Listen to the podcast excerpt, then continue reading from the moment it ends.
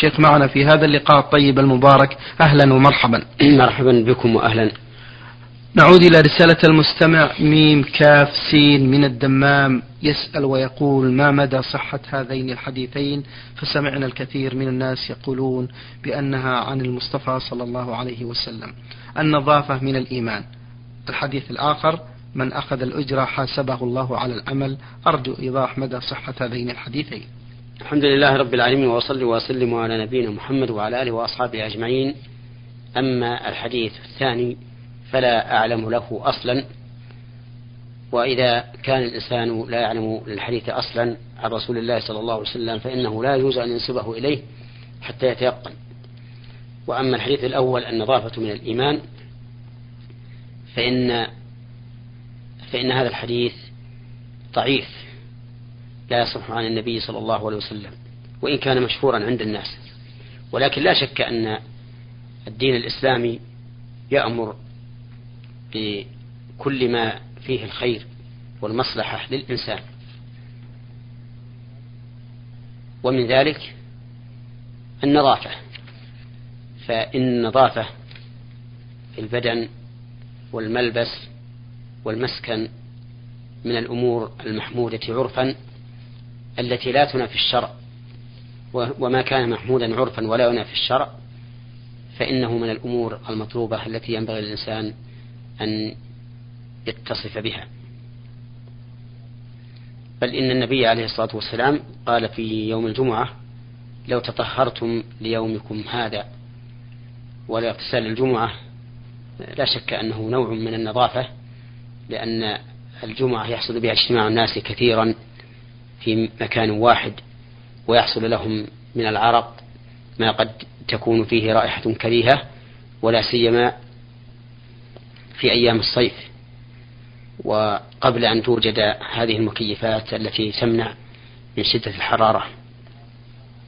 على كل حال النظافة أمر محمود شرعا وعرفا.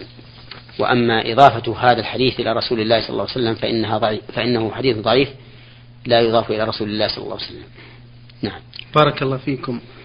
المستمع يحيى أبو خالد يقول ما صحة هذا الحديث المروي عن الرسول صلى الله عليه وسلم بأنه إذا أوى إلى فراشه كل ليلة جمع كفيه ثم نفث فيها فقرأ قل هو الله أحد وقل أعوذ برب الناس وقل أعوذ برب الفلق ثم يمسح بهما ما استطاع من جسده يبدأ بهما على رأسه ووجهه وما أقبل من جسده ويفعل ذلك ثلاث مرات وما كيفية النفث. أرجو الإفادة والتوضيح. بارك الله فيكم. هذان هذا الحديث صحيح. نعم. عن النبي صلى الله عليه وسلم أنه كان عليه الصلاة والسلام إذا أوى إلى فراشه فعل ما ذكره السائل لكن السائل بدأ بقول أعوذ برب الفلق قبل قل أعوذ برب الناس والترتيب أن نقول أعوذ برب الفلق نعم. بدأ بقل أعوذ برب الناس قبل قل أعوذ برب الفلق والترتيب الصحيح أن نقول أعوذ برب الفلق قبل قل أعوذ برب الناس. نفث نفخ معه ريق خفيف. والحكمة من ذلك أن هذا الريق تأثر بقراءة هذه السور الكريمة. فإذا كان متأثرا به ومسحه على وجهه ورأسه وما استطاع من جسده كان في ذلك خير وبركة وحماية ووقاية للإنسان في منامه. نعم. يقول نرجو منكم نصيحة فضيلة الشيخ في الكتب الشرعية المفيدة والصحيحة عن المصطفى صلى الله عليه وسلم طبعا بعد الدستور الخالد القرآن الكريم للاستفادة منها. نعم. الكتب التي يستفيد منها طالب العلم تختلف نعم. اختلاف حال الطالب. إذا كان طالب العلم يريد أن يتمكن من العلم ويكون من أهل العلم فإنه ينصح له بقراءة كتب معينة. وإذا كان طالب علم للمراجعة والمطالعة والاستفادة فقط فإنه ينصح له بكتب معينة أخرى. فطالب العلم الذي يريد أن يكون من أهل العلم ينبغي له أن يقرأ في فنون العلم ما يتمكن منه حتى يكون عنده إلمام عام بجميع العلوم. فمثلا يقرأ في النحو يقرأ في البلاغة يقرأ في الحديث يعني مصطلح الحديث يعني مصطلح الحديث يقرأ في أصول الفقه يقرأ في الفقه يقرأ في متون الحديث. ويكون هذا بتوجيه من الشيخ الذي يقرأ عليه. وأنا أنصح طالب العلم أن يكون طلبه للعلم على يد شيخ راسخ في العلم. لأن طلب العلم على الشيخ الراسخ يستفيد منه الطالب فوائد منها أنه أخصر له في الوصول إلى العلم. لأن شيخه يعطيه العلم ناضجا ميسرا فيكون ذلك أسهل له في الوصول إلى العلم. لكن لو كان يقرأ من الكتب تعب تعبا عظيما في مراجعة الكتب وربما جوش عليه هذه الكتب التي يقرأها حيث إن آراء العلماء ليست متفقة في كل شيء. ومنها أن أنه إذا قرأ على شيخ فإن الشيخ يبين له كيف يرجح الأقوال بعضها على على بعض وكيف يستنبط الأحكام الشرعية من أدلتها فيسهل له الخوض في معارك العلم. ويستطيع الطالب بناء على هذا التوجيه من شيخه أن يناظر في مسائل العلم وأن يجادل بالحق للحق. ثالثا أنه إذا طلب العلم على شيخ صار هذا أكثر اتزانا له مما إذا طلبه من الكتب لأنه إذا طلبه من الكتب فربما يكون له لديه اندفاع كبير في بعض الآراء فيحصل بهذا زلل وربما يصل إلى درجة الإعجاب بالنفس واحتقار الغير رابعا أنه إذا قرأ إذا قرأ العلم على شيخ أو إذا أخذ العلم من الشيخ فإنه يستفيد من أخلاق هذا الشيخ. لأن الشيخ سيكون إذا من الله عليه متخلقا بما يقتضيه علمه الذي وهبه الله. فيستفيد من هذا الشيخ ويكتسب أخلاقا فاضلة. ومعاملات طيبة بالنسبة لزملائه وبالنسبة لعامة الناس. فالذي أنصح به إخواني طلبة العلم المبتدئين أن يكون تلقيهم العلم على يد المشايخ الذين أدركوا من العلم والتجارب ما لم يدركوه. وحينئذ يأخذ بما يوجهه إليه شيخه من الكتب التي يريد أن يتعلم منها. أما إذا كان لا يريد أن يحبس نفسه لطلب العلم وإنما يريد الاستفادة من المطالعة فمن أحسن الكتب زاد المعاد لابن القيم رحمه الله لأنه كتاب جامع بين الفقه المبني على الدليل وبين التاريخ الذي تعرف به حياة رسول الله صلى الله عليه وسلم. فيكتسب الإنسان من هذا الكتاب الأحكام الفقهية ومعرفة حال رسول الله صلى الله عليه وسلم وسيرته. بل معرفة حال رسول الله صلى الله عليه وسلم وسيرته وربما يمر به أيضا مسائل أخرى تتعلق بالتوحيد وبالتفسير وغيرها. فالكتاب كتاب نافع جامع صالح لمن أراد المطالعة للاستفادة العامة. نعم. بارك الله فيكم فضيلة الشيخ. هذا أبو موسى من الرياض. يقول فضيلة الشيخ محمد العثيمين ما هي الأسس السليمة والصحيحة في تربية النشء؟ التربية الإسلامية الصحيحة. التربية لها طريقان. طريق نظري وطريق عملي. فالطريق النظري أن تربي الأولاد على الأخلاق الفاضلة وعلى العبادات عن طريق الرسائل والكتب والأشرطة. وكم من بيوت اهتدت بواسطة الأشرطة واتجهت اتجاها سليما بواسطتها. وأما الطريق العملي فأن تكون أنت بنفسك مطبقا للعبادات والأخلاق الفاضلة تعاملهم بما هو أحسن حتى يتعودوا منك. ما أنت عليه من العبادات والأخلاق. ولهذا حث الشارع على الجليس الصالح وحذر من جليس السوء. فأخبر أن أن الجليس الصالح كحامل المسك إما أن يبيعك وإما أن يحذيك يعني يهب لك وإما أن تجد منه رائحة طيبة. وأن الجليس السوء كنافخ الكيل إما أن يحرق ثيابك وإما أن تجد منه رائحة كريهة. ثم إن من المهم في تربية الأولاد أن تعدل بينهم فيما يجب فيه العدل حتى لا يحمل أحد منهم عليك محامل السوء. وكثيرا وكثيرا ما حصل من الذين يجورون في معاملة أولادهم أن الذين يحابونهم ينقلبون عليهم فيعقونهم إذا كبروا وأنه لا ينفعهم إلا الآخرون الذين كانوا يؤثرون إخوانهم عليهم. وهذه قد تكون عقوبة دنيوية معجلة فيجب على الإنسان أن يكون عادلا بين أولاده لأن النبي صلى الله عليه وسلم قال اتقوا الله وأعدلوا بين أولادكم. حتى كان السلف يعدلون بين أولادهم في التقبيل أي أنهم إذا قبلوا واحدا منهم قبلوا الآخر مثله. نعم.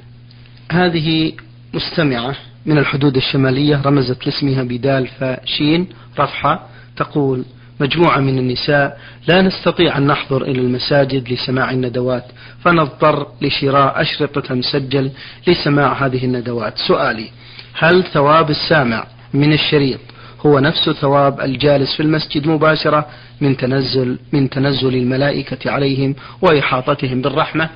لا ليس الذين يستمعون إلى الأشرطة كالذين يحضرون إلى حلق الذكر ويشاركون الذاكرين في مجالسهم. نعم. ولكن السامعين إلى الأشرطة لهم أجر الانتفاع وطلب العلم الذي يحصلونه من هذه الأشرطة. وكما قلت آنفا ما أكثر ما حصل من الهدى الحمد لله. والاستقامة بواسطة هذه الأشرطة. والشريط كما نعلم خفيف المحمل سهل الاستفادة فالإنسان يمكن أن يستمع إليه وهو في شغله يمكن أن يستمع إليه في سيارته نعم. ماشيا في طريقه ومن أجل ذلك كان لهذه الأشرطة فضل كبير من الله سبحانه وتعالى. علينا أن نشكر الله سبحانه وتعالى على هذا التسهيل والتيسير. نعم. بارك الله فيكم. تسأل عن معنى وصحة الحديث الذي ما معناه؟ أن الرسول صلى الله عليه وسلم قال فضل العالم على الجاهل يوم القيامة كفضلي على سائر الناس. الظاهر لي أن هذا الحديث ضعيف ولكن لا شك أن العالم لا يساويه الجاهل بأي حال من الأحوال. لقول الله تعالى قل هل يستوي الذين يعلمون والذين لا يعلمون. وقوله تعالى يرفع الله الذين آمنوا منكم والذين أوتوا العلم درجات. أما أن يفضله بهذا المقدار المعين فإن الحديث في ظني ضعيف ولم أكن محرره والله أعلم. بارك الله فيكم. في سؤالها الأخير تقول نذرت لله أن أصوم صلاة النفل بلا انقطاع إذا شفى الله والدي من مرض خطير ألم به والآن والحمد لله فقد شفي والدي وصليت النفل بعض الوقت ولكن لم أستمر في ذلك فبعض النوافل لا أصليها. علما ب بأني عندما نذرت كان عمري 14 سنة هل علي ذنب في ذلك؟ أرجو الإفادة. إذا كان هذا النذر قبل البلوغ فإنه لا يلزمك لأنه غير مكلف. وأما إذا كان بعد البلوغ فإنه يلزمها أن توفي بنذرها إذا كان طاعة لله. كقول النبي صلى الله عليه وسلم من نذر أن يطيع الله فليطعه. لكنها لا تصلي في أوقات النهي التي نهى عنها الرسول صلى الله عليه وسلم وهي من صلاة الفجر إلى أن ترتفع الشمس قيد رمح وذلك بعد طلوعها بنحو ثلث ساعة وعند الزوال حتى تزول وذلك قبل الزوال بنحو عشر دقائق ومن صلاة العصر إلى غروبها لأن النبي صلى الله عليه وسلم نهى عن الصلاة في هذه الأوقات فتكون الصلاة في هذه الأوقات من المعصية. وقد قال النبي عليه الصلاة والسلام من نذر أن يعصي الله فلا يعصيه. نعم.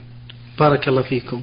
هذه مستمعة أختكم في الله من بلد المغرب مقيمة في المملكة العربية السعودية تقول أطلب منكم أن تجيبوا على سؤالي.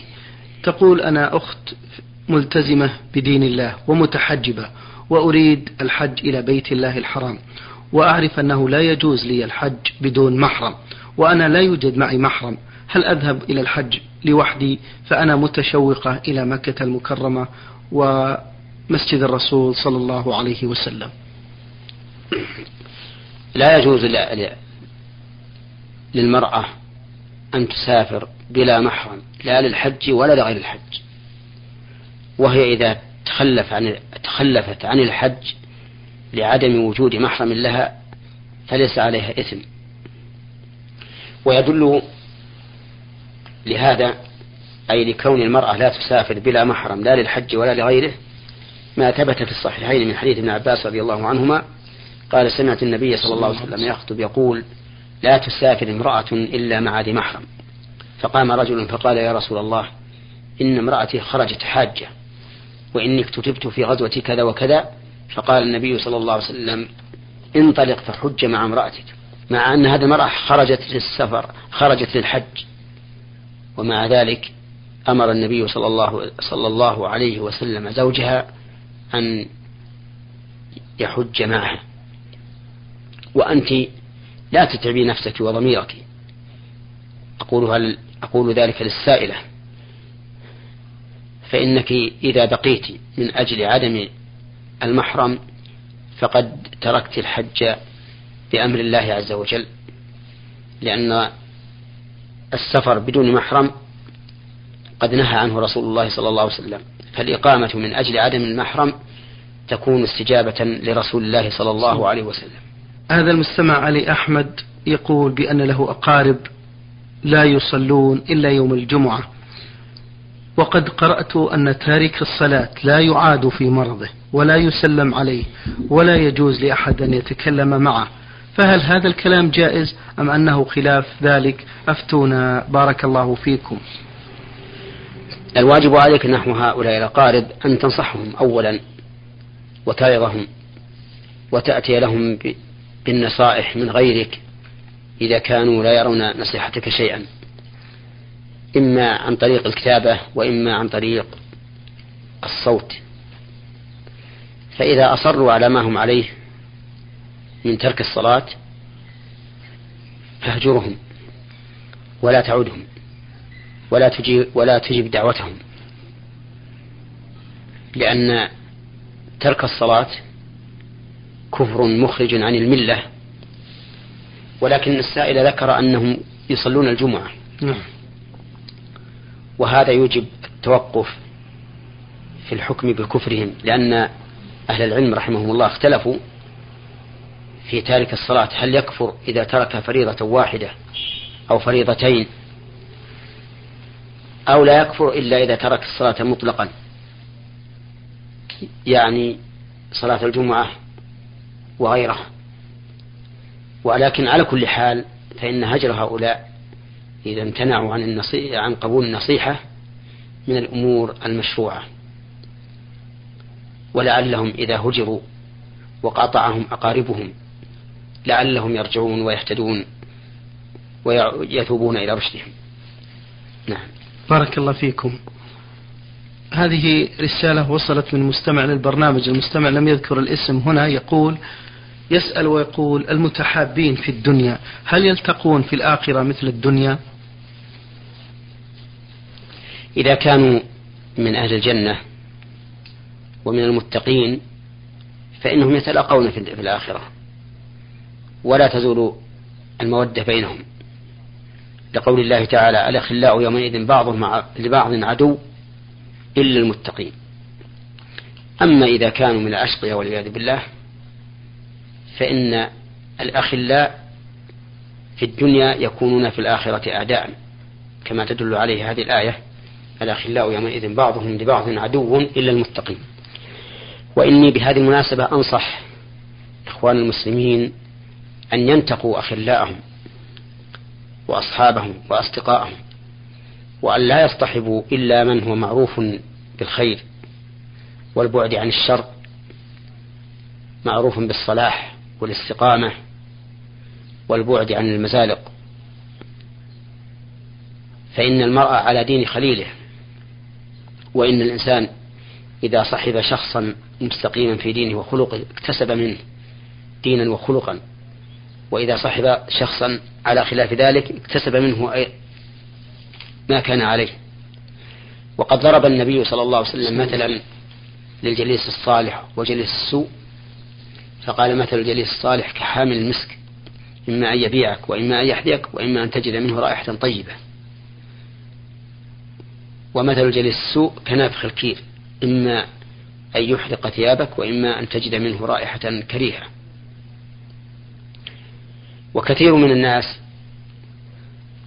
يعبدون الله على حرف أي أنهم ليسوا مستقيمين كما ينبغي فإذا وفقوا بأصحاب ذي خلق ودين هداهم الله واستقاموا. وكم من أناس على جانب من الخير والعمل الصالح فإذا خذلوا وصاحبوا أحدا غير مستقيم فإنهم يكتسبون منه عدم الاستقامة ويحصل لهم من الانحراف شيء كثير. نعم. بارك الله فيكم. المستمع علي إبراهيم من الرياض يقول ما هي شروط الاجتهاد ومن هو المقلد? أما شروط الاجتهاد فإن العلماء مختلفون فيها. نعم.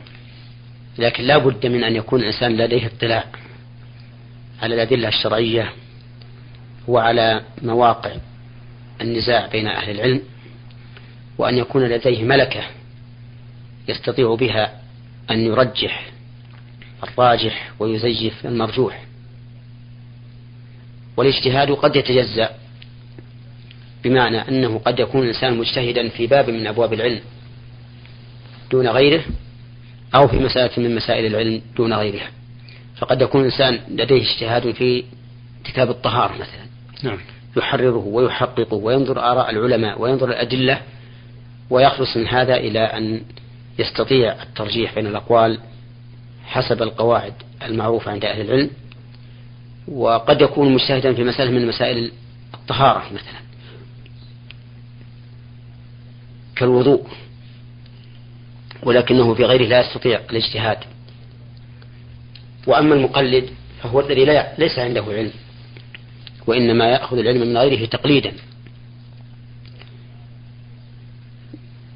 كقوله تعالى فاسألوا أهل الذكر إن كنتم لا تعلمون وقد أجمع العلماء كما ذكره ابن عبد البر رحمه الله على أن المقلد لا يعد من أهل العلم مهما بلغ في التقليد. ومهما بلغ من الاطلاع على كتب من قلدهم. لأنه في الحقيقة إن تكلم فهو ناقل عن غيره. وإن رجع إلى كتب من قلدهم فهو تابع لغيره. فليس من العلماء. ولهذا لا يجوز للإنسان أن يفتي شخص أن يستفتي شخصا مقلدا مع أنه يمكنه أن يستفتي من لديه اجتهاد. ثم المقلد إذا دعت الضرورة إلى استفتائه فإنه لا يفتي بالشيء مضيفا مضيفا له إلى نفسه بل يقول قال فلان كذا أو قال فلان كذا أو قال الحنابلة كذا أو الشافعية كذا أو ما أشبه ذلك ممن يفتي بتقليدهم أو ممن يفتي بناء على تقليدهم. نعم. بارك الله فيكم. الفقرة الثانية في رسالة المستمع علي إبراهيم من الرياض يقول نحن نقول للصحابة رضي الله عنهم والتابعين وتابع التابعين من جاء بعدهم هل نقول رضي الله عنهم أو رحمهم الله؟ نحن نقول رضي الله عن كل مؤمن. كما قال الله تعالى والسابقون الأولون من المهاجرين والأنصار والذين اتبعوهم بإحسان رضي الله عنهم ورضوا عنه. لكن المعروف عند أهل العلم نعم. تخصيص الصحابة رضي الله عنهم بقولهم فيهم رضي الله عنهم. ومن بعد الصحابة من التابعين إلى زمننا هذا يقولون رحمه الله. وإن كان بعض العلماء قد يقول رضي الله عنه في الأئمة الكبار كالإمام أحمد قال الإمام أحمد رضي الله عنه قال الإمام الشافعي رضي الله عنه قال الإمام أبو حنيفة رضي الله عنه قال الإمام مالك رضي الله عنه. لكن عامة المعروف بين أهل العلم أن الترضي يكون للصحابة والترحم يكون لمن بعدهم. وإذا كان هذا هو المعروف المصطلح عليه عند عامة العلماء فإن الإنسان إذا ترضى عن شخص من غير الصحابة أوهم السامع بأن هذا الشخص من الصحابة. فينبغي أن يتجنب ذلك أو أن يقول قال فلان وهو من التابعين رضي الله عنه. قال فلان وهو من تابع التابعين رضي الله عنه. حتى لا يظن أحد أن هذا من الصحابة. نعم. شكر الله لكم يا فضيلة الشيخ وبارك الله فيكم وفي علمكم ونفع بكم المسلمين. إخوتنا المستمعين الكرام أجاب على أسئلة